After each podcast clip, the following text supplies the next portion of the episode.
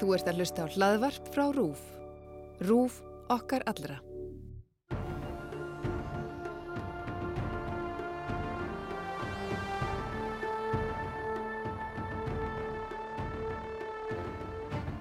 Verið velkomin í með söngakeppnin á heilanum. Ég heiti Júlia Margæti Einarstóttir og ég hef verið með þér í þessu ferðalagi frá fyrru undanúrslitum og núna eru úrslit söngakeppnar 2022 orðin ljós. Sigga, Beta og Elin bára auðvitað sigur og býtu með lægið með hækkandi sól sem leið lósandi. Þær munu því verða fulltrúður Íslands í Torino í mæ og það verður æsi spennandi að fylgjast með þeim á Ítalíu. Ég ætla hins vegar að byrja í dag á að heyra í manni sem er laungorðin órjúanlega hluta af keppninni. Nú ætla nefnilega Gísli Martið Baldursson að sökka sér í laugin frá hinum löndunum og finna sniðuga brandara á vingla og kannski eitthvað svona pólitíst punk til að nýta í starfi sínu sem kynir keppninar. Hann byrjaði að kíka til mín og sagði mér frá laugadagskvöldinu og hvað tekur nú við í hans hlutverki áður en haldið er alla leið til Torino. Gísli Martin Baldursson, ég er kynir á Eurovision. Já, er það svona þinn helsti titill í lífunum, myndir segja? Það er það þegar ég er í hlaðvarpi fyrir Eurovision. Já, einmitt. Þú hefur nú verið það í en að vera kynir alveg árum saman og varst einmitt á svæðinu í úslitunum á laugadaginn, bara svona að byrja eins og því. Hvernig var stemmingin í Guðvinnesi á laugadag og spennu stíið þegar þessi bráðabanni var búin að fara fram? Sko spennustíði var bara rosalega hátt og stemningin var frábær. Þetta er náttúrulega nýhöll, þannig að það var allir smá hrættir við að hvort að stemningin sem hefur verið í lögðarshöllinni myndi koma með yfir og mér fannst það algjörlega. Mér fannst bara, þú veist, frábær stemningi, fólki þar allir svo mikið með á nótonum fólk heldur alveg með einhverjum lögum og svona en það er engin að taka þetta eitthvað of alvarlega, það er engin hægt á að slagsmál brjótist út eða neitt þannig að það, er, það, það skilja allir að þetta er, þetta eru þetta bara fyrst og fremst skemmtun og, og hérna margi voru hissa náttúrulega Reykjavík-dætur innu ekki en hérna margi, fólk sem er helt með þeim en mér finnst allir vera rosalega ánaðir með sýsturnar að því að hérna, það er verið náttúrulega bara frábærar fyrir okkur hann úti. Þetta var náttúrulega rosalega sterk keppni ár og þetta voru, þeir sem voru í úrslitum, þetta voru fimm atriðir sem að mér fannst öll einmitt algjörlega eiga þarna erindi en sko þú talar um að öllum hafa fundist þetta bara gaman og ekki tekið svo allt og alvarlega en það voru svolítið svona heftalegar svona umræðar á samfélagsmiðlum eftir að úrslitum voru kungur, varst það ekki að vara það? Jú, jú, ég var alveg að vara við það en mér finnst vera heftalegar umræðar á samfélagsmiðlum um allt þannig að það var ekkert eitthvað hérna fólk meinar það ekkit endilega þegar það segist alltaf flytja ár landi að því að þeirra lag vann ekki. E, það er bara, þetta er allt mála fyrir eitthvað sterkum litum á samfélagsmiðlum. Ég fannst þetta bara skemmtilega umræða. Mér finnst bara gaman að fólk hafi, hafi svona mikið um þetta að segja. Veist, það er ekki fyrir en söngarkjæfnin fyrir að verða þannig að enginn hafi skoðun á henni sem við þurfum að hafa ágjur ekki hafa einu ágjur á þessu Nei. og svo bara fannst mér líka þessi atriðið tvö uh, sýsturnar og dæturnar eins og fólk kallar þær þær voru bara svo æðislegar og þroskaðar og hófuð sig upp fyrir þetta og, hérna, og Reykjavík þetta bara fullar af þakklæti fyrir að vera hérna loksins elskaðar af þjóðinni sem þær voru svo sannlega í þessari keppni. Oh, og dætunar eru náttúrulega líka búin að vera rosalega lengi í tónlistarsenunni og auðvitað sleiði gegn með einu og einu lægi og svona en öruglega aldrei fengi við líka aðtegli eins og núna. Þannig að þetta er bara svo frábært fyrir alla og þetta er náttúrulega sem hefur verið í gangi í norrænu keppnunum, Melodífestivalen og og hérna Melody Grand Prix í Noregi og þetta. Það er að það er bara svo upplugt fyrir tónlistafólkið að komast inn í keppninnar, fá eitthvað lag sem verður svona hluti af menningarbankanum eða þjóðarsálinni og fólk vil komast í þetta aftur og aftur ekkert endilega að því að það verður að vinna og verða að framlaga okkar í Eurovision eða þeirra, heldur bara að því að með því að komast að það inn þá að fá lag sem að á svipstundu öll þjóðin þekkir. Emmeit. og fyrir tónlistafólk að eiga svoleiðs lög þar sem getur komið fram og bara spilað eitthvað lag og allir kunna textan, það er bara geggjað. Hvað svona teku við hjá þér? Ég meina núna er bara rauninu bara ferðarlega að hefjast, þú þarfst að leggjast yfir þessu lög. Já Núna sem sagt, ég menna, við förum út uh, tveimur vikum fyrir keppni, við fljúum út á lögadegi og fyrsta æfinga er á sunnudegi og hérna, og það er, uh, sko, úti skiptið þetta svolítið í tvent. Það er fyrir vikan og setni vikan. Setni vikan er bara nánast engungu genir að pröfa og útsending. Skilur að það er, hérna, á þriðudeginum er Íslanda að keppa og á mánudeginum þar og undan er, er sko dómararrenslið. Þar sem að, þú veist, ég seti gegnum það allt saman og síðan á miðvöggundegi og fymtudegi er sama fyrir setnariðilinn og föstudag og lögadegi er síðan sama fyrir úrslitin. Já, þannig að ég er bara inn í þessum klefa mínum frá svona bara 11 morgunin til miðnættis alla setni vikuna það er svakalegt. Já, ég bara kem eiginlega ekkit út af því að, af því að ég líka er að tímasetja textan minn og svona og, og Mhm. þau eru endalust að breyta, kinnarnir eru fram á síðustu stundu að ákveða hvort er alltaf að koma inn hér og það verður að breyta handriti. Þú veist, þetta er, þó svo fólki finnir svolítið mikið yfir úti í tvær vikur þá er bara verið að rigga upp allir þessari skemmtun á tveimur vikum Já, og kinnarnir og allir eru að vinna sitt efni. Fyrri vikan er eins og að miklu e, svona afslappaðri. Í þessari fyrri viku eru líka oft svona einhver partí sem að ganga út á ekki endilega það að allir skemmti sér rosa mikið heldur að við erum að sína íslenska atriðið. akkurat. Íslenska atriðið er að fara á svið, það er einhver viðtöl og, og bæði ég og, og Rúna Freyr og fleiri eru svona með millugöngu um það. Eh, kollegar mínir sem eru svona kinnarnir eða kommentatorarnir þeir vilja yðurlega fá að tala við atrið okkar, spyrja um eitthvað bara svo ég vil tala við dönsku keppituna til þess að sjá hvort að þau, veist, hafa einhver tengslu í Ísland og eitthvað svona Þannig að fyrri vikan er meira þetta, það er eitthvað svona, Mhm. þú ert að reyna að kynnast fólki og mynda einhver tengsl og, og, og finna einhverja sniðu á punta. Já, sko, þú ert náttúrulega hérna, Gunni, ert kannski ókreindur konungur pappabrandarana og maður er alltaf alltaf spenntur að sjá svona hvað hva finnir þetta eftir í hug. En þú hefur líka verið alveg með svolítið svona pólitíst, svona punk, hérna, í lýsingarnum þínum. Já, ég meina, ég held að lýsingarnar sko þær eiga að bæta einhverju við. Það er ekki bara að vera, þú veist, upptalning á einhverju sem að er í fréttatilkynningum frá Mhm. þessum atriðum. Og þú veist, ekkit verra ef eitthvað því getur verið smá sniðugt eða, eða ekki, eitthvað, einhver, einhverju pappabrandara sem eru misgóðir, sko, en, en pælingin er náttúrulega að, að, hérna, að kynnar hvers land sé að segja áhörfendum þar Mhm. eitthvað sem að bætir smá við Ömmit. klassíst er náttúrulega að láta vita hverjir hafa náð sérstaklega vel saman við íslenska hópin. Já, Uh, Það er náttúrulega mikilvægt, sko. Ég, ég man bara þegar ég var að horfa það, ég var alltaf rosa, held mjög mikið með þeim löndum sem að höfðu orðið góðir vinnir íslenska hópsins. Mhm. En hérna, sko, Eithórstætur þarna úti með hérna náttúrulega Leiló með í för, um, ef við berum þetta saman til dæmis við daða og hatara, svona hvernig er tilfinningin fyrir því, svona þín fyrir því að, hérna, að þær munis svona líta út, út af við og spenningurinn fyrir þeim sem hópi? Mhm. Það er náttúrulega, sko, Dada var náttúrulega spáð sigri uh, eða einu af efstu fimm sætónum bara allan tíman. Þannig að það var rosalega mikið, við þurftum í rauninni að vera að íta blaðmennum frá og velja, ok, við ætlum að velja BBC og CNN, sama var með hatara. Uh, það er ekki alveg svo stemning núna hjá dætrunum, þó svo að hérna, við vonum auðvitað að þær komi öllum á óvart og strax á fyrstu æfingu munu þær fá smá svona vá-effekt af því að þær eru svo æðislegar syngja svo fallega og það verður, ég held að þær muni verða meiri háttar frá fyrstu æfingu þannig að þá Mhm. byrjar vonandi svona eitthvað jákvægt umtal og fleiri vilja tala við þar því að það skiptir auðvitað máli að komast í fréttinnar á í öllum hinnum Evrópalöndunum uh, og við höfum alveg líka verið með uh, atriði þar sem að kannski spenningurinn hefur ekki verið jafn mikill en við erum þá að reyna að segja fólki herru þið ættu að áhuga á þessu út af því að eitthvað er. Þannig að þetta verður aðeins öðruvísi heldur en síðustu tvö ár þar sem við höfum verið með atriði sem allir vildu fá að komast í, Mm -hmm. e, sem sagt Hattara og, og Dada. Ömmit. En ég meina það er hérna, e, það getur allt gerst og margóft hefur Eurovision komið óvart og einhver atriði sem að hafa kannski virkað lágstemd í byrjun hafa allt í hennu orðið eitthvað.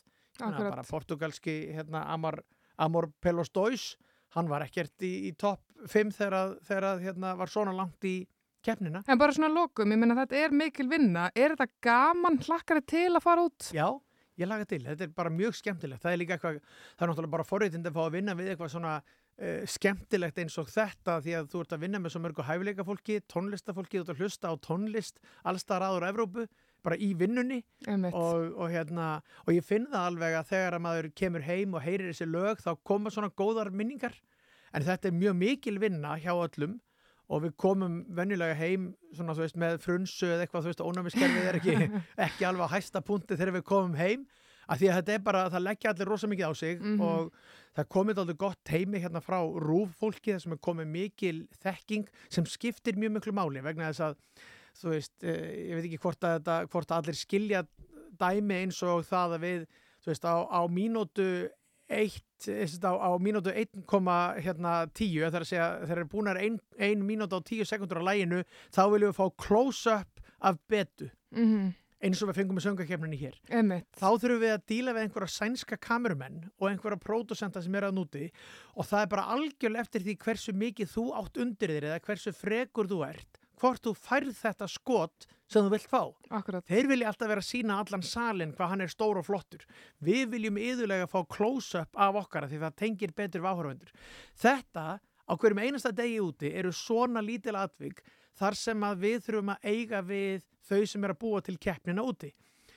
Og við erum komið með undir stjórn Felix en, en líka bara í öllum öðrum í teiminu erum við komið með svona held ég daldi góð tengsl og og fólk hefur alveg góða reynslu af okkur við höfum verið að koma með frábæri atriði inn í keppnina og þau eru bara þakklátt fyrir það og við höfum unnið vel með þeim en við höfum líka verið á hinnum staðinum þar sem við vorum algjörur amatörar, vorum ekki með mikla reynslu í hópnum og bara fengum ekkert í gegn sem við vildum. Ég er bara ósk ykkur innilega góð skengir þarna úti og hlakka til að fylgjast með ykkur í Torino. Takk fyrir. Sigurvegar að söngakeppninar voru auðvitað Eithórs börn, Sigga, Beta og Elín og bróðir þeirra sem er með þeim á sviðinu og laga höfundurinn sjálf Leiló eða Lovísa Elisabeth Sigrunadóttir. Lovísa ætlaði að kíkja til mín í stúdíu hér í efstaleitinu en þar sem hún er búsett fyrir austan fjall og það eru appelsínu gular veður viðvaranir þegar þetta er tekið upp, þá fekk ég bara að slá á þráðin til hennar. Já, hæ, ég heiti Lóðisa Elisabeth Sigurðardóttir og er stundum sagt undir listamannsnafnu Leiló hér á Íslandi og víðar. Til hamingju bara með ótrúlega frábæran sigur í söngakeppninni. Sko, Lóðisa, ertu búin að, ertu búin að komast neyra í jörðina? Nei, eiginlega ekki alveg sko. Ég er ennþá með svona titring, svona mjög skringilegan titring inni með. Ég veit ekki, er það svona bland af sjokki og spennu í svona sama, það er svona smá fæðsla og, og gleði Já, saman í pakka. Þegar þú hugsaði tilbaka bara til það er lögutaskvöld, hérna, um, það var vantlega að enda þarna í frábærum bráðabana, tvö bara mm -hmm. mögnu lög sem að flutt voru af flottum konum sem að var náttúrulega bara eitthvað mm -hmm æðislegt að fylgjast með. Manstu eftir því þegar að úsleitin voru tilkynnt? Já, sko, ég, það var svo skrítið moment, því að ég man þetta alveg bara mjög skýrt, sko, því að ég, ég var svo slög einhvern veginn þegar það var, þetta spennu moment var. Mm -hmm. Við vorum einhvern veginn svo þáttar uh, með stöðuna, með annarsætið og vorum einhvern veginn, ég held að vera meina allar bara vissum að Reykjavík beitur væri að fara til Ítalíu. Um mitt.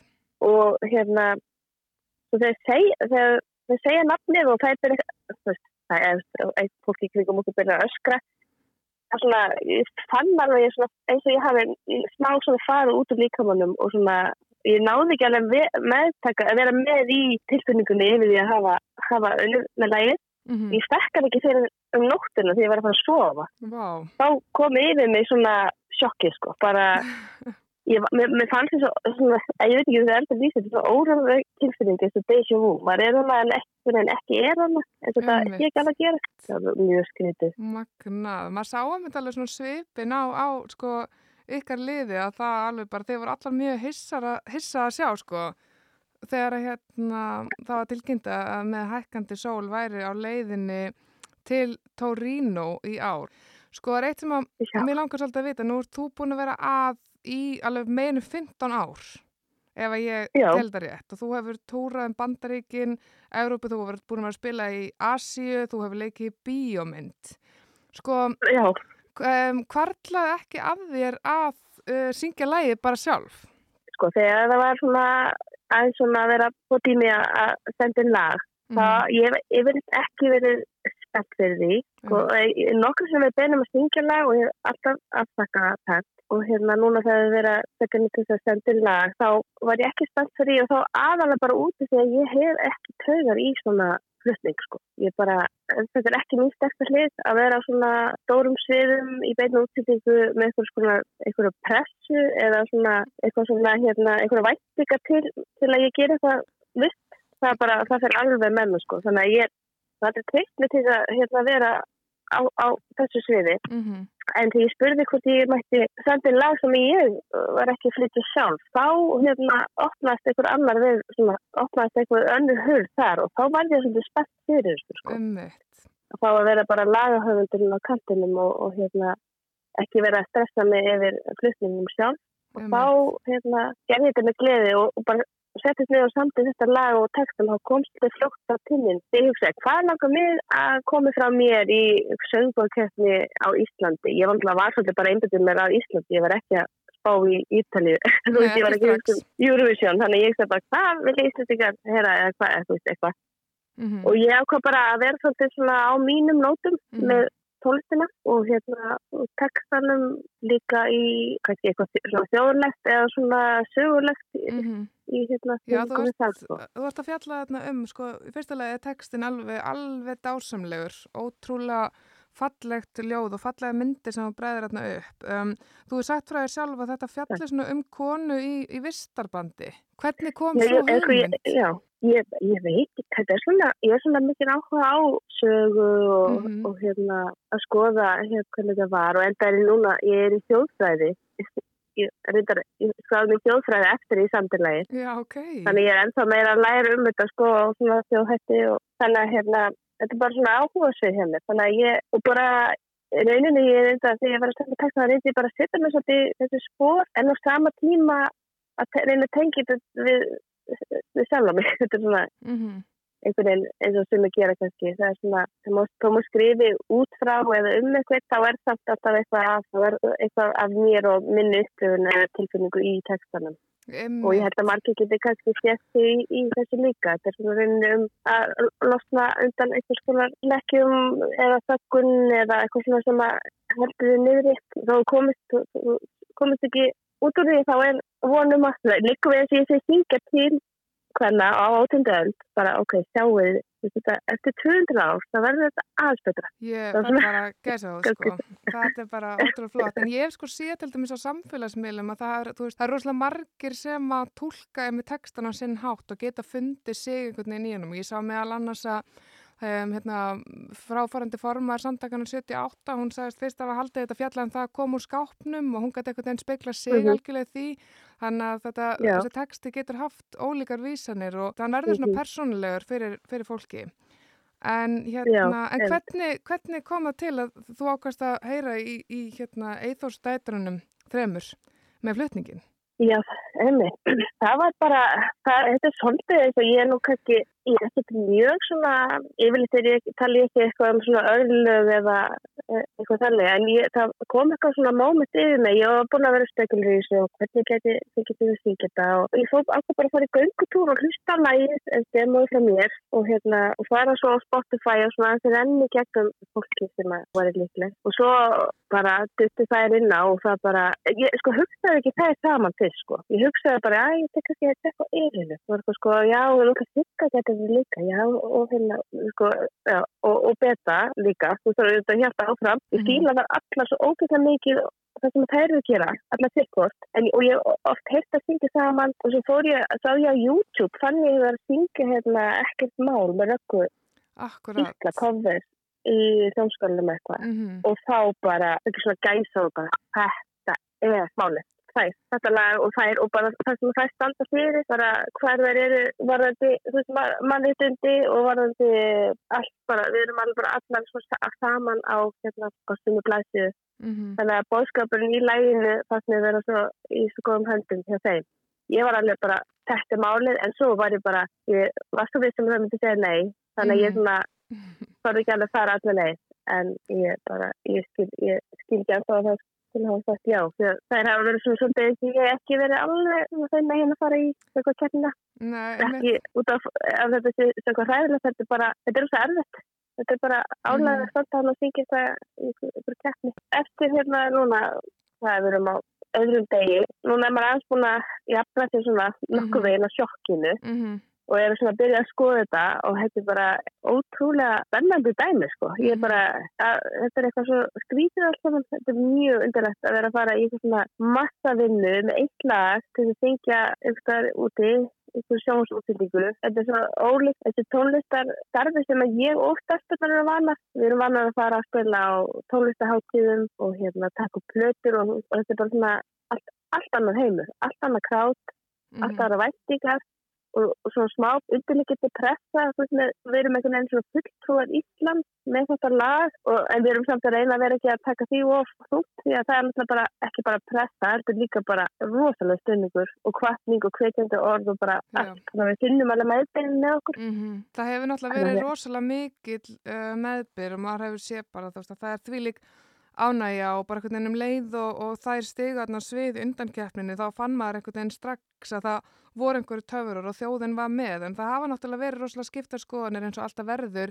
eftir að Mhm. úrslitin eru kunngjörð og, og einhverjir ósáttir og heimtu endutalningu og okkur svona ég held nú þetta fylgir nú eiginlega Mhm. alltaf og sérstaklega þegar keppnin er svona sterk hefur þessi umræða haft Mhm. einhver áhrif á þig? sko, fyrst bara reyninni mér fyndi það sko. Þannig að þegar við vorum hana eh, mómentið, það er svona skringilega móment það sem að styrta okkur upp bara þess að sama myndavel það sem að er verið að taka vítið okkur að býða eftir tilkynningunum þá var ég og Elin að tala sama bara vátu svo geggja að við erum í öðru seti og við vorum bara báðar að tala um það er heila betra að vera í öðru seti það er svo erfitt þegar svona, svona geggja aðtrið það er eiginlega verða að vera liðið sem að fyrir áfram. Æ, mér, mér, mér leið þannig, svona, bara, mér leið þannig að það væri bara betra við öðursæti og bara svona, og til þess aftar og allt, allt það sko. Um, það er, þegar maður sá eitthvað svona kom til mín eftir að þegar maður, maður ganga frá, að ég ekkert verið að kíkja Twitter og ekkert verið að skoða veðmila og ég bara, ó nei, hvað er gangi? Og ég vissi svo sem alveg, ég, ég, alveg, ég er alveg svona, ég, er, ég kann ekki mikið af Twitter og ég er samt alveg Twitter. Og ég fer alltaf á Twitter þegar það er söngvakeppni eða Eurovision því að ég elska að vera í svona fylgjast með. Já, Svo gaman, það er alltaf svo finnir og alltaf svona Mhm, one-liner setningar og svona sterkar skoðanir í einni setningu. Nákvæmlega. Það er ekki svona langi pistlar um, þú veist, eitthvað bladi blæðins á Facebook og, og en ég vissi að það að þar og, og, og mörgum kommentakerfum myndi maður alveg heyra eitthvað. En Mhm. Sko, ég verið viðkynna að þetta er bara alls ekki búin að hafa þetta svona á, og ég er svona mjög miklu minnum að þetta fyrir svona eitthvað svona dæmi Mhm. en þetta er ekki búið að hafa eitthvað sæðilega áhrif út af því að það er bara, það er eiginlega, eiginlega alltaf þannig það er bara, ó, ég veist, það er eitthvað það er ekki eitthvað dættir að það vinna. En svo er þetta bara, en hýtlega er alveg gott. En þú veist, það, er aldrei eitthvað svona mér finnst ekki verið að bytta lagið okkar, Nei, ég er alveg sammála því, sko, og hérna, það er ekki, það, það er ekki, það er bara vissmyndu skoðanir um hvort að fólk vilji eitthvað geggja sjó mhm, og power og geðugan bóðskap með stelpunum í ekki eitthvað dætturum eða hvort fólk vilja eitthvað svona melló en líka, þú veist, fallegt og þetta er bara svo algjörlega ólíka atrið þá er svona kannski svipað bóðskapir í rauninni mhm, það er það, já. bara, eh, hérna, þannig að ég skilur bara mjög vel, bara alla mjög vel og mjög sammála og ég er bara, ja, mik miklu sjokkið yfir þessum viðstöðum og, og hérna og, og við varum að tala saman ég, ég sagði stelpunar þannig að þetta hérna, ekki ykkur betur áður en að keppnið fór gang bara, það er eiginlega er að taka glata að við séum í sömu keppninni með svona mikið power dæmi í hérna lögunum, bara konur ekki bara konur, alltaf, en þú veist þetta, það er svona Mhm. að lenda svona saman í þessu, en ég er er það núna það er sko, já, það er eitthvað stórt að fara að gera fyrir þær úti, sko með það er búin að fá mikið að hérna umfyllun, sko, Vá, Það- akkurat. Og ég meina, ég maður veit að það er bara eftir að fá kannski bara, já, það er bara betri, þú veist, þær fara bara út þú veist, núna bara sem atrið sem allir vilja sjá, þú veist, örgulega, bara allir út af hátíðum í sumar og bara brála að gera og hérna, það. Það er, þú, veit að hljómar til að svona hýtið, allir svona í keppnu bara, "Á, allir er og eitthvað svona, en svona í alvörinu, ég satt hann í salnum á úrslutu kvöldinu, það var hvert einasta atrið, bara, ég verður bara, eftir hvert einasta atrið, þá gæti maður sagt bara, vá, hvað er nefnd þetta, það var enginn, það var allir að standa svo vel og Mhm. lögin öll bara, hefði öll geta verið bara mjög gott, hérna, lag á Íslandi. Ég er algjörlega sammála því og mér fannst ótrúlega fallegt einmitt í kjölfarið á þessu öllu að sjá hérna, já þannig þess að svona systra samstöðu, svona ef maður getur kallað þetta milli dætra og systra sem að voru þarna í þessu innviði að hvað Já. þær voru ótrúlega ánæður með ykkur og, og ykkar flutning og lag og stiðið við baki á ykkur og, og hvað þið lístuðu mikill aðdáðan á þeim þannig að það var ósvæmlega mikill kærleikur í loftinu þarna. Já, einmitt, það, og það er bara alveg þannig, sko. Það er Mhm. bara, þú veist, þetta er alltaf skrítið eitthvað svona keppni, þú veist, þetta er, mér finnst það hérna, svo alltaf með svona keppna og svona margir einmitt á kommentarkerfum sem, sem eru bara eitthvað besta lægið vann eða, eða hérna, tónlistin vann eða ég bara hefði sagt það svolítið sko, tónlistin vann og alveg bara svona stingum eða þú veist hvernig það er svona eins og verið að hitta að það hefði ekki verið tónlist í gangi þegar öllum öðrum, ég veit ekki ég, bara, Nei, ég skil ekki alveg þetta komið en hérna, það er bara ekki þetta að segja að okkar lag sé betra en þeirra og þetta er bara allt annað dæmi þetta er svona þetta geggja sjó ég var í salum sko bara að gæmsa út í erðnahárunum meðan það var að syngja það var bara Ég held að það getur mjög margir tengt við það. Þetta var uh, mikil gæsa húða veistla sem að fór hérna fram og bæði bara hjá ykkur og þeim og ég er bara alltaf að fá að vera alveg samanlega. Ég satt hann í salunum og mér fannst hvert einasta lag og ég er ekki að íkja og mér fannst hvert einasta lag algjörlega frábært en mér finnst þið ótrúlega mm. vel að sigrinum komnar Sko, mér langar bara að óska þér innilega góð skengis, Leiló, hérna út í Torino. Hveti bara til að fara að pakka niður solglirunum og bara, og bara leifa þér að hérna, fara í þetta ferðarlag bara í, í þeirri gleði með þessum frábæra hópi sem að fylgja þér. Takk fyrir, þetta verður svona eftir.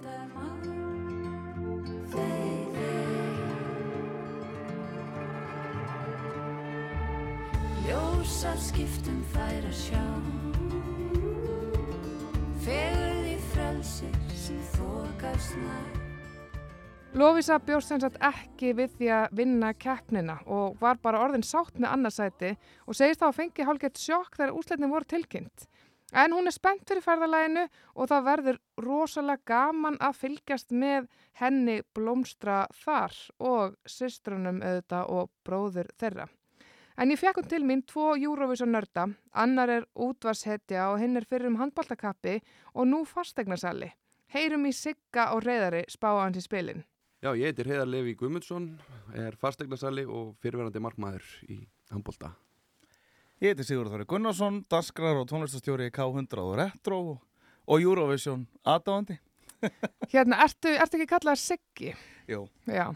Hérna, takk æðislega fyrir að komast rákar. Uh, núna veit ég að þið eru nefnilega báðir miklir júruvæsson ekspertar. Þess, þetta vissi ég reyndar um þig, Siggi, sko. Þú ert svona maður sem ert mjög áberandi almennt segja þjóðfélagin en ekki síst kannski á þessum ástíma Já, hef ekki farið leint kannski með Nei, þú ert ekki búin að vera í felum sko, en reyðar meira þetta er nefnilega að kemur mörgum að óvart Ég er bara, ég er algjörlega bara, bara ég bjóst ekki við að sitja hérna með honum að ræða Eurovision sko, frekar, frekar handbólta á gamlu dagan í Káa og eitthvað svoleiði sko. Rífið gamlu dagan í handbóltanum Það byrja bara 86 þegar þetta hérna, þegar þetta er bara fyrsta skipti sem Ísland tekur þátt þá hérna, ég man bara vel eftir þess að við kennum til Keflavíkur hérna, mamma og pappa í einhver partí og maður fylgist með og síðan þá bara er maður búin að vera að fylgjast með og, og það er bara rosalega gaman alltaf að vera, þetta er alltaf alveg kvöld. Mm. Já, sko, eitt er að fylgjast með en þú ert alveg þannig að þú fylgjast með undankefnum í öðrum löndum og svona, þannig að þú ert alveg svolítið svona djúft í þessu sko, þó að þú svona berða ekki endla með þér. Já, algjörlega. Um, Það er þá sérstaklega Skandinavíu, sænska undankefnin er rosalega og það er þvílíkt sjó og bara all in og öll lögin eru bara frábær og þvílíkt sjó sko þvílíkt lagt í það Emitt. Siggi, hvena svona mannstu eftir þér öðruvísi heldur en að þú sérst Júrósa nörd? Nei, einlega ekki, en, en sko ég fættur 89, uh, ég er 11 ára árið 2000 þegar keppnin er haldin í Stokkólmi mm. uh, í Globen og það er svona keppnin sem breytti Eurovision, gerði Eurovision að því fyrirbæri sem við þekkjum í dag, þetta svona big arena svona viðbörður, svíjarnir alltaf, teimið sem vann við þá keppni er ennþá að vinna við keppnina þau bara flakka á milli landa og unnið við kjarnina síðan þá. Þannig að það er kjarnir sem gerir mig af sko, það er svona Eurovision minningin. Emmett. Hello Europe!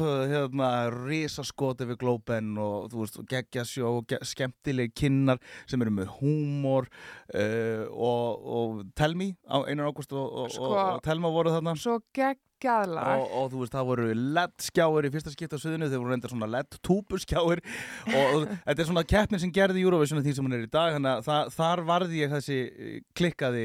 Það er svona fyrsta stóra Eurovision minningin þó ég kannist ekki við þetta en, en hefur verið svona þessi klikkaði Eurovision maður síðan? Já og þú veist haft áhuga öllu í kringum þetta líka framleiðslun og svo leiðis það er alltaf bara líka í, svo í bransunum sem ég valdi mér að vinna í sko. Um þetta sko, svona stórar keppnir um, þetta er held ég get ég leift mér fullir það, ég menna þetta er flottasta söngakeppni sem við hefum haft á Íslandi hinga til. Mm. um, þannig að þið voru að fylgjast með. Heldur betur. Já, já. Ég verð bara, ég hef nú sagt það áður áður um vettfangi að ég verð bara Rósa Rúf og, og Gísla Berg og hans teimi uh, fyrir algjörlega magnaða keppni. Bara vinna síðastlegin ára búið að stækka og stækka með hverju árunu bara, hún bara sást þarna í söngakynnsöllinni hún var bara komin í úrvalstild Já, menn hann sagði mér frá því sjálfur að, að það sem þau hafa lagt upp með var að láta keppendunum, keppendunum svolítið finna hvernig væri að vera á stóra sviðinan og stökkið að millir söngakeppnir og Eurovision mm -hmm. er þið svona aðeins stittra. Já. En hérna Reyðar, þú fylgist með, uh, þú sagði mér enda frá því áðan að þú hefði kynst konunni þinni kringum Eurovision. Já, já, árið 2016 á hérna, það er skemmtileg að sagða, þannig að var, ég var akkurat að flytja bara söður, eða raunin til Noregs en svona með millilendingu hérna í Reykjavík. Voru að keira bara hérna að norðan og söður og lendi síðan í hérna Eurovision party og, og svo er ég eitthvað, við erum aðeins svona að senda eitthvað skilabóð hérna í aukonan og hún er klætt upp í einhverjum austurískum hérna þjóðbúningi. Sendið við myndað því og hérna svo hitti við hana, hitti hana hérna bara setnum kvöldi eftir keppnina og við byrjum eitthvað aðeins hann að dara og endum hérna í góðum skemmtistaðsleika á kaffibarnum í svona cirka 45 mínútur og, og eftir það þá hérna eru já, gifting og hús og tvö börn og sting góðum stróng sko. The Eurovision hjónabandið Já, betur, sko. Eurovision fjölskyldan ja. sko, hérna, og horfðu þið þessi fjölskylda sem var til hérna, horfðu þið á hérna úslitina löðdæn? Já, sko, ekki svo yngsta hún er nú bara eins og hálsars en hérna, svo fjara ára hún var með okkur og hérna og við fylgdum spennt beð Og hvernig, hvernig læðast þetta í ykkur alltaf?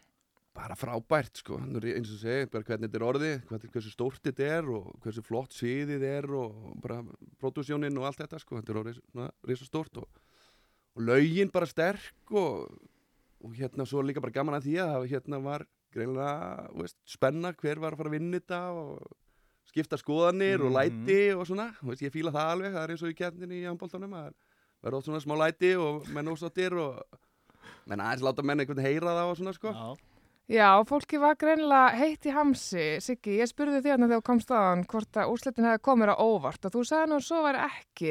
En sko, þetta komið mér á óvart því að, að því að manni fannst einhvern veginn allt benda til þess að, að hérna, Reykjavík þetta myndi vinna þetta, en ég var algjörlega sannfarður frá því að ég sá bara, sko, ég veit þessu lagi enga aðtikli þegar að lögjum voru kynnt í, í janúar en þegar ég sá þar á, á undankvöldinu þá bara fekk ég það sem ég kalla winners vibe sem að ég, ég maður fæst undum og ég var samfæður um að þær myndi vinna. Ég var búin að spá, spá þessu að hérna, þær myndi vinna. Að, að, þetta var eitthvað svo ofbáðslega örugt það var svo mikil og svo góð ára yfir þessu. Að, hérna, að ekki það að við reykjaðum þetta maður ekki verið örugt þetta, þetta var bara eitthvað svona hú, þetta var svo klárt. Um, og bara þessi litla myndvinnsla sem að lifti atriðinu einhvern veginn upp og já, ég bara sá ég, veginn, þetta, er, þetta þarf að fara út þetta, þetta þarf að fara út í, í Evrópu þar sem að er stríð og ófrýður svona, þetta, þetta lag akkurat núna um vonina sem að, að hérna, það byrti til og við losnum úr klækaböndunum og svona sko.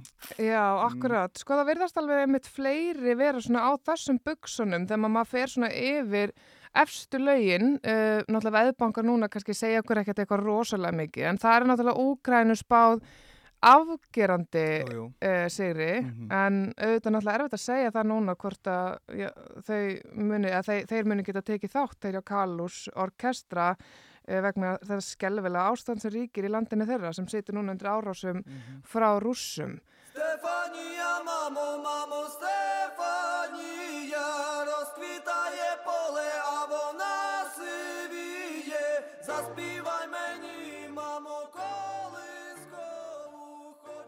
Er þið búin að hlusta á, á Kalús orkestra? Já, já. Eh, lagi Stefania mm -hmm. þetta er, er rapplag með miklum þjóð uh, þjóðlaga tilþrifum. Mjög, mjög falleg melodía í, í viðlæðinu, ég er nú ekki mikill rappari sjálfur þannig að hérna, það er nú ekki kannski höfðar ekki bendið mín en finnst þetta töflag, töflag og hérna Stefania ég, ég, þú veist þetta hljómar í hausnum á mér þannig að það er húkur Sko ég hef því mér ekki heyrt þetta lag. Nú er bara er ég að fara að sökka mér í hérna mm -hmm erlendu lögin, sigurverðarna og hérna, mynda með skoðun og get ekki beðið eftir hérna, þættunum þáttunum á, á rúf mm -hmm. sem við farið yfir þetta og já, alla leið mm -hmm. alla leið, já, og þá hérna mynda með sér alltaf betur og betur skoðuna þannig að maður komi vel tilbúin inn í lokakefnina ekki bara heyra allt í fyrsta skipti maður þarf að heyra þetta tvisa, trisa til að vera með alveru skoðanir á, á hlutunum mm. Einmitt, þú er náttúrulega líka bara það að vera nóg að gera þér til dæmis að, að, hérna, að leggjast í, í mello og svona. Þú, þú fylgstist með þegar Cornelia Jacobs um, sigraði keppnuna. Hún var áður í hljómsveitinu Love Generation og hérna lægið heitir Hold Me Closer. Hún er sko bæði sönguna og hún er lagahöfundur, þannig að þetta er, þetta er mikil, mikil hæfileika búnt. Hvernig læðist það þegar úslitið þig? Bara mjög vel. Mér finnst það hérna flottlag, stertlag, sterk sönguna með svona, svona smá rámi svona í röttinni, svona titringur svona, ég hef alveg gaman að sko hana. Og svíjarnir, veist, það, ég held að það bara eru nú bara yfir höfu bara einhver hæfileika búnt, það er alveg endalust sem að kemur af hérna einhverju popstjörnum og poplaga höfundum hérna frá, mm. frá síðjóð sko mm -hmm. þegar eftir að vegna vel bara eins og, eins og oftast sko og hún var algjörlega geggið þarna lögataskvöldið og og eh, er þarna með mikrofón sem er sko, ég held að sé rúglega sé 1960 og eitthvað eh, sérstaklega snúrumæk í atriðinu sem að gefa röttin í svona grófan uh, blæ og þú, þú heyrir alveg þegar neglutnar strjúka mækin og hún rekur það aðeins í. Þetta er svona mjög gróft.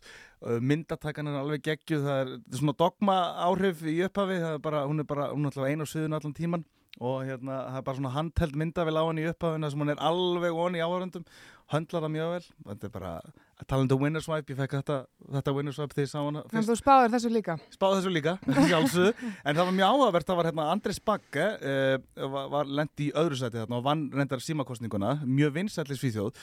Þetta, þetta er hérna stór og mikill maður með eh, svona skeggsnúð og sköllótur uh, hvernig þú til að tjekka á honum.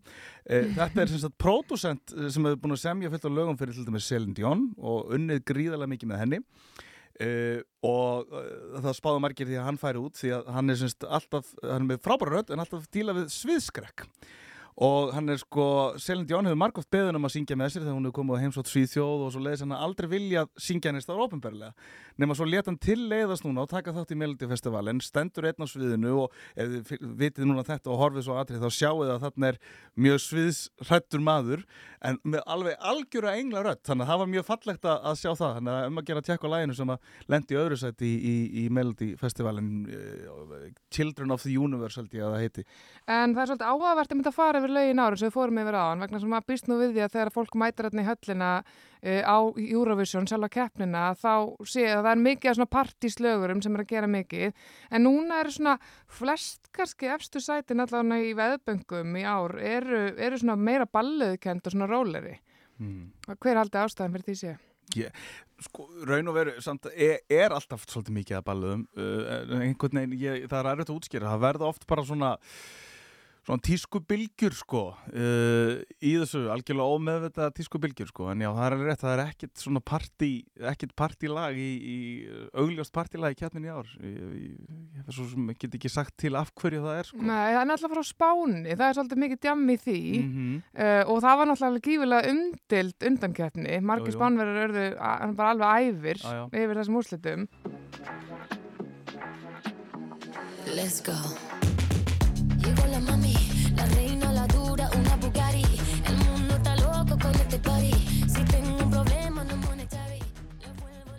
En það verðist alveg vera sem að já, svona spænska lagi sé samt alveg að leggjast svona vel í... Loksins, komin aftur í, í Já, alveg með, með bara sprengju, já, sko. Akkurat. Svona, svona kýpverska sprengju. Þetta er svona lag sem að kýpur hefur, þetta er svona lagið sem kýpur hefur sendið inn síðastliðin ár. Já, það já, einmitt, einmitt. Nú eru þau búin að fatta þetta, sko. En hvað, hérna, en þú veist eins og varðandi, ég meina, hérna, Eithór Stætur sem verða okkar fulltrúar, hérna, hvernig líst þér til mig sá reyðar, hérna, svona mátar þær við, við keppnuna og svona uh, þetta stóra svið? Það er eftir að standa sér frábælega þetta er svo örugu flutningur hjá þeim að það er bara halva að vera nú. Mm. og hérna Hefur ekki ágjörð að þessi eina sekund? Ekki eina sekund Þetta áttur að vera stórkastlega hjá þeim. Og hérna lægið er flott. Og það er rosalega gott væpi yfir og svona þægilegt, mm. flýtur þægilega og, og bara það hvernig það er aðið og gera þetta saman er bara frábært. Það er mm. eftir að vera stórkustlegar úti, ég er bara engar ágjörð því. Ég fekk sig að vera tilfinninguna þegar það gera svolítið öðruvís í, í keppnin hættin á upptökunni að læginu að fara úr moll í dúr undir lokin, sem sagt mm. það kemur a cappella röddun undir lokin. Einmitt. og hérna það svissa í dúrin, svissa í vonina úr, úr melankólíunni. og það var það sem að hérna, neldi þetta fyrir mér Það hefur nú aldrei líka gert uh, góða hluti í keppninni að, hérna, að taka eina góða upphækkun Já, já, akkurat, já, já, heldur betur. En já, ég held að, og, úst, ef að myndvinslan að, í svona atriði skiptir myndvinslan öllum álega því að það er ekki eldgleipar eða, eða dansarar á, á sviðinu. Og ef við tökum myndvinslanu sem var á atriðinu núna og förum með hana ennþá lengra þá held ég að þetta bara verði alveg gekkja því ég, ég ætla bara að segja að þetta verði dark horse sko Já, við bara fljúum allan úr undakeppninni, maður trúi nú alls ekki öðru, þetta er svona, og það er svolítið ávart, þetta er svona country. Við reyndar í dauðariðli í ár. En, e, já, við erum, já, já, já, en við látum það náttúrulega stoppa okkur, hérna, það er mæta þarna bara mm. og, og hérna, afgreða þannan dauðariðil, mm -hmm. uh, en þetta er ekki eina country sprengta lægið í ár, það var náttúrulega, hérna, það sem mjög mikið líkt við hérna Calm After the Storm jú, jú. sem að hérna var einmitt kom mörgum og óvart að hafna hérna í öðru sæti um árið Um, og er einmitt svona í svona þessum, þessum dúr og svona, svona rólegt og dálegandi en eistatnir í árs eru líka með svona kúregalag mm -hmm. Mér finnst okkar bara miklu betra Ég, ég er bara algjörlega samanlega sko. við þurfum ekkert að vera hrætt við þessa eista. Nei og svo erum við að syngja á okkar tungumáli sem að heyrist ekki oft og, og það vekur aðtekli á þessu og, og já, ég held að og svo bara einhver svona fjölskyldu saga sem þetta er að segja og Ég, ég held að, já, okkar, okkar, okkar eru öðrum gæðastæðali, sko. Algjörlega. Mm. Um, hérna, en það er alveg færast í aukana að fólk sé að byrja að syngja inn tungumálu og maður mann nú bara eftir hérna, þegar að hérna, tó trikki fóru út á sínum tíma þá var um, þegar að það var verið að breyta þessum reglum og allt innum átti syngja á ennsku en hérna en Rúf var ekkert eitthvað vola spenntur því að við myndum að gera það þegar við áttum að syngja íslensku sem Íslandingar og þá var einmitt verið að segja það ástæðan til dæmis fyrir þegar Írland hefði unni svona oft væri til dæmis að það væri stór faktor í því að þau getur sungja ennsku en það verðist náttúrulega ekkert vera allavega ekki lengur gefa það neitt mikið fórskott Lægi skiptur öllu, lægið og Já. tjáningin. Já, bara á atriðið og hvernig, hvernig það grýpur sko, greinlega að það sé aðalatriði. Hvernig það grýpur mann sko. Ekki, ekki unnu ítalar á ennsku í fyrra? Nei, til dæmis ekki. En þeir eru alltaf að tefla frá manni sem við þekkjum mm. hérna, Mahmoud sem áður hérna, fluttilagi Soldi og hann var í öðru sæti þá. Um, honum er spáð góðu gengi núna. Ég, ég segi, sko fyrir utan náttúrulega bara þið augljósaðu sem vorum að tala um áðan með, með Ukraínu þá er, þá er þetta lag uh, Breviti með Mahmoud mm -hmm. og, og uh, og Blanco, uh, það lag sem er að fara að vinna þessa fekk bara, þetta margum talaði Winner's Wipe þegar ég sá þá í, í San Remo.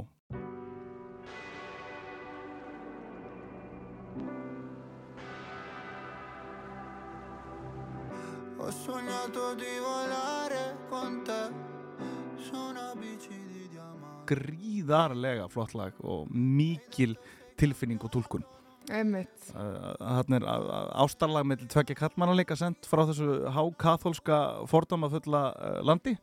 Þannig að það er líka gaman sko. Hvernig fólk er að tjekka á myndbandunum við lægi þar sem er, er, er hérna svona sínt öllu meira heldur en vennilega er sínt held ég. Ég held að veit ekki hvort að kathólska kirkjan er þið sérstaklega ánað með, með það vídeo. En er eitthvað eitthva land sem þið eru alla jafna spenntir fyrir að sjá hvað gerir í keppninni?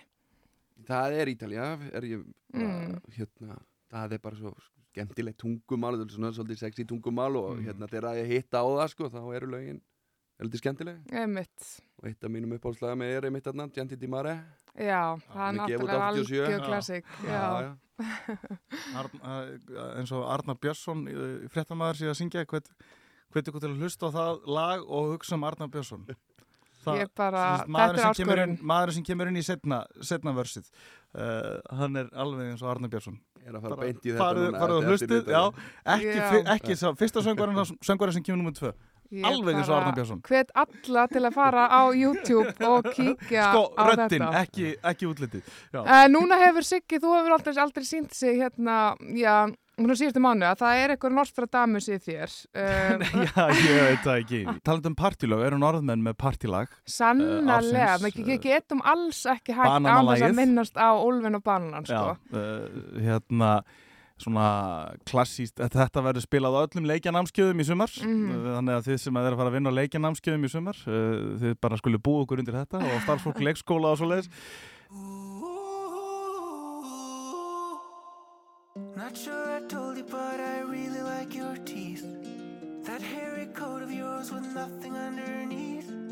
Not sure you have a name, so I will call you Keith.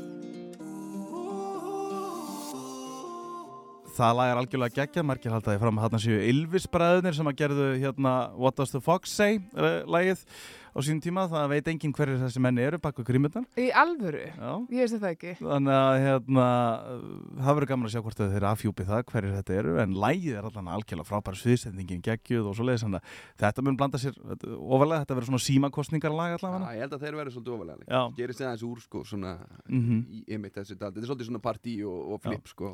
Þetta er ósað mikið svona lag að maður setur það í gang og maður hugsa fyrst bara hvað er að gerast, mm. En svo bara áttar maður sig á því að maður bara elskar þetta. Já. Þetta er Ég maður ekki. er bara komin með þarna, skilur við, Mm. bara í partíið og... Já. Það sem að þeir eru líka að gera sem að hérna til dæmis Daði Freyr náttúrulega gerði um, að vera með svona rosa sterkan dans sem allir geta lært. Mm -hmm. Þannig að mig grunar alveg að í mörgum partíum verði hérna þessi dansstígin, þessi úlfadans og, en sko bara, og textin í þessu lagi sko áður en úlfurinn nétur ömmu geða hann um banana, bara Já, já. hvað þú veist þessi fundur sem fór fram sem að þessi texti var samin, bara hvað var að gerast Og hérna, ég veit ekki hvað þú heitir, en ég ætla að kalla það Keith, er, hérna hending hérna líka. Einmitt, já. sem er, já, eitthvað sem að getur verið gott að grípa til bara svona í lífinu Já, ég Þannig veit að ekki hvað það heitir, ég ætla að kalla það Keith. Já, er kannski svona nýja línan eða eitthvað, ég veit það ekki. bara, ég bara hvet, hvet ykkur endrið til þess að pröfa hana Og, og svo er eitt sem að sko, því að TikTok Nei. er náttúrulega að fara að stýra svolítið tónlistar yðnaðinum og það Mhm. er mörg lög bara sem að við erum að hlusta á í útvarpinu í dag sem að hafa orðið vinsal út af TikTok. Og það er TikTok stjarna að fara að taka þátt í kjarnin í ár fyrir hönd breyta sem heitir. Sam Ryder. If I was an astronaut, I'd be floating in midair. And a broken heart would just belong to someone else down there. I would be the center of my. Ég er endur ekki á TikTok og, og hérna, þekki ekki til hans en uh, þeir eru strax komnir á staði veðböngum, breytarnir, reynda það gengur þeim oft ágætlega veðböngum að því að breytar veðja svo mikið náttúrulega, bara mikið þjóður í þar. uh, þannig það verður áhört að sjá það. Fínt lag. Já, er það með er því betra sem maður hafa sendt núna Já. í langan tíma. Já, Sko breytar Næsta eru náttúrulega alltaf með rosa mikið með svona samsæðiskenningar um að hérna Evrópa bara hati sig og vilji bara hafa það út undan og okkur Mhm. svona en hérna það er einhvern veginn verið erfitt að veist þeim finnst þeir heldur ekki, eða margir hafa haldið fram að þú veist að þeir til er ekki ákveðni klíku og okkur svona að þá fá þeir ekki atkvæði. En svo hefur Ástralía bara eitthvað, þú veist alltaf komið Já, og nelt já, þetta sko uh, en já, hann er meitt verður svona frægur á TikTok sem að um, margir eru að verða í dag. Já, og svo er sko lög að verða væral á TikTok þess, þess vegna verða þau vinsæl. Er mörg lög sem eru í spilun í dag. Til dæmis bara eitt júra sem var Arcade hérna, sem var vann 2019 mhm. það er mjög vinsælt í bandaríkjónum núna og er mikið spilað í bandarísku útvarpi sem að er sko eh, er ekki algengt með Eurovision lög en það er vegna að það varð vinsælt á TikTok í bandaríkjónum, einhver, einhver dans eða einhver tjáning eða eitthvað í kringum það ég kann ekki, kann ekki að nefna það hvað gerist sko.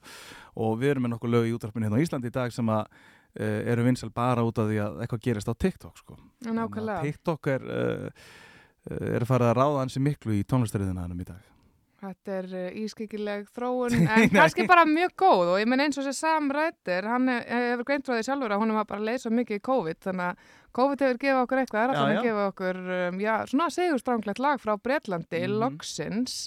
Um, þannig að vera spennandi að fylgjast með því. Uh, hafið þið sjálfur farið utan á keppninu, hefur þú farið þér? Nei, en ég er á leiðinni. Ég er bara að leifa börnunum að verða hérna, pössun að fær, hann geti, Og það gæti vel verið, það er bara mjög líklegt að verði næsta keppni, svo lengi sem að verði, veist, ekki í Úgrænu.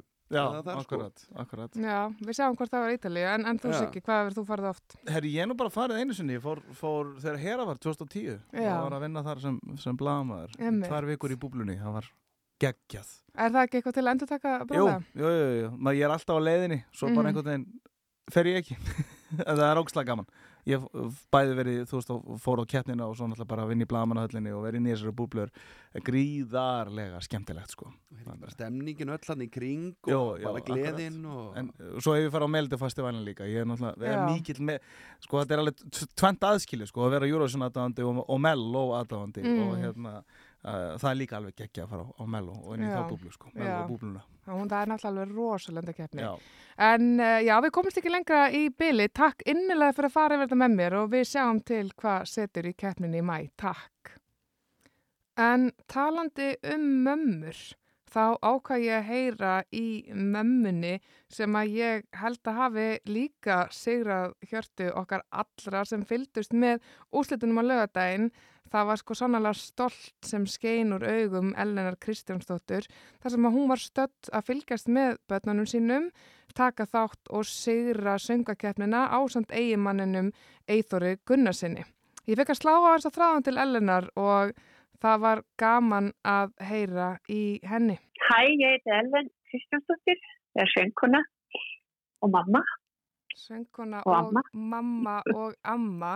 Sko þetta hérna, þetta annað, þessi annar titill sem að þú kynntir hérna áðan, sko það fór ekkert að milli mála hjá neinum sem fylgdist með á laugadaginn að þú ert sannkölluð mamma og það var ótrúlega fallegt að sjá geðsæringuna hjá þér þegar þú varst að fylgjast þarna með aðkvæmnum þínum, sigra söngakeppnina.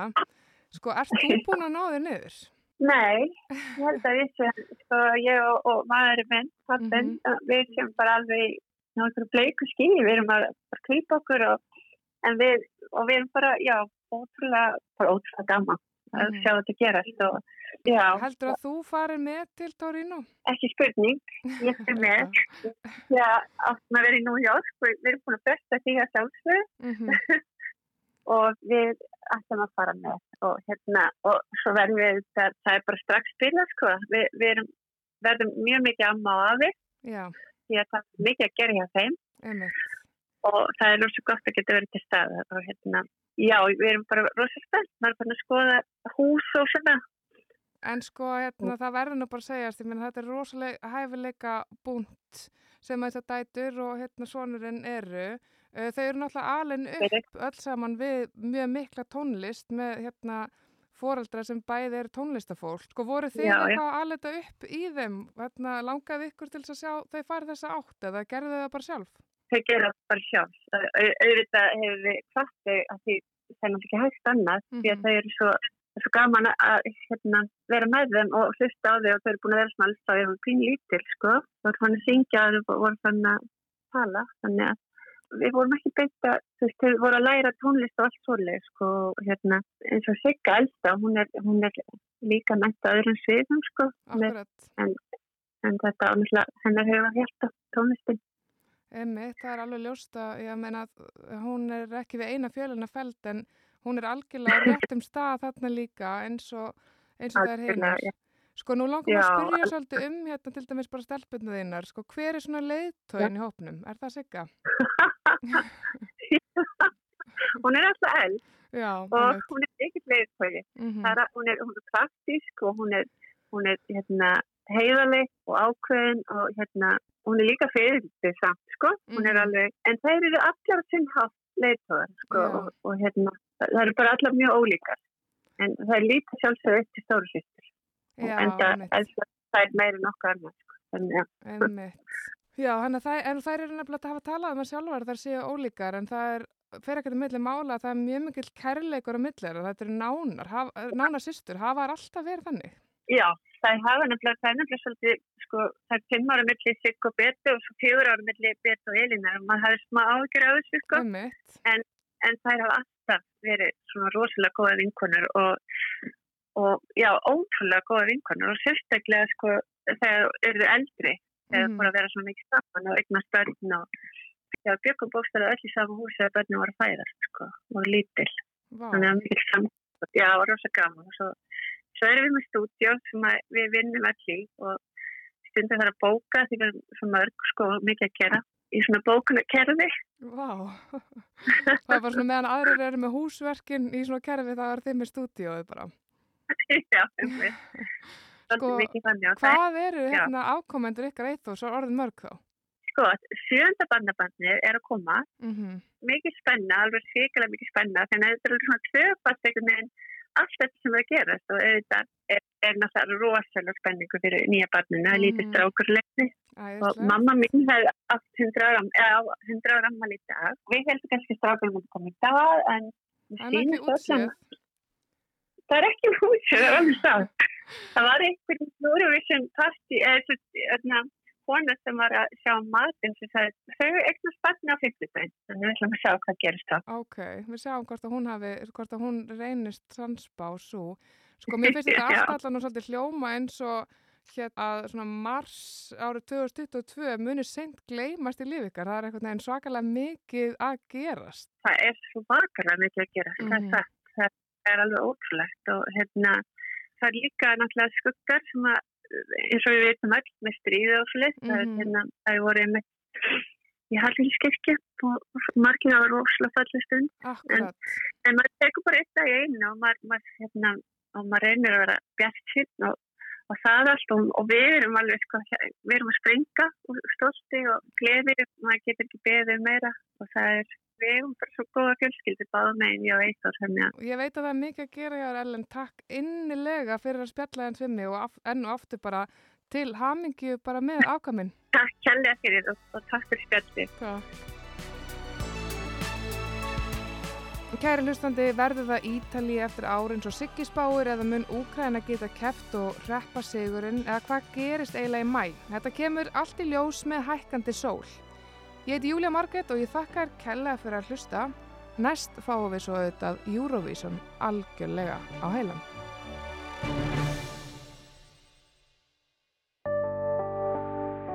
Þú ert að hlusta á hlaðvarp frá RÚF. RÚF okkar allra.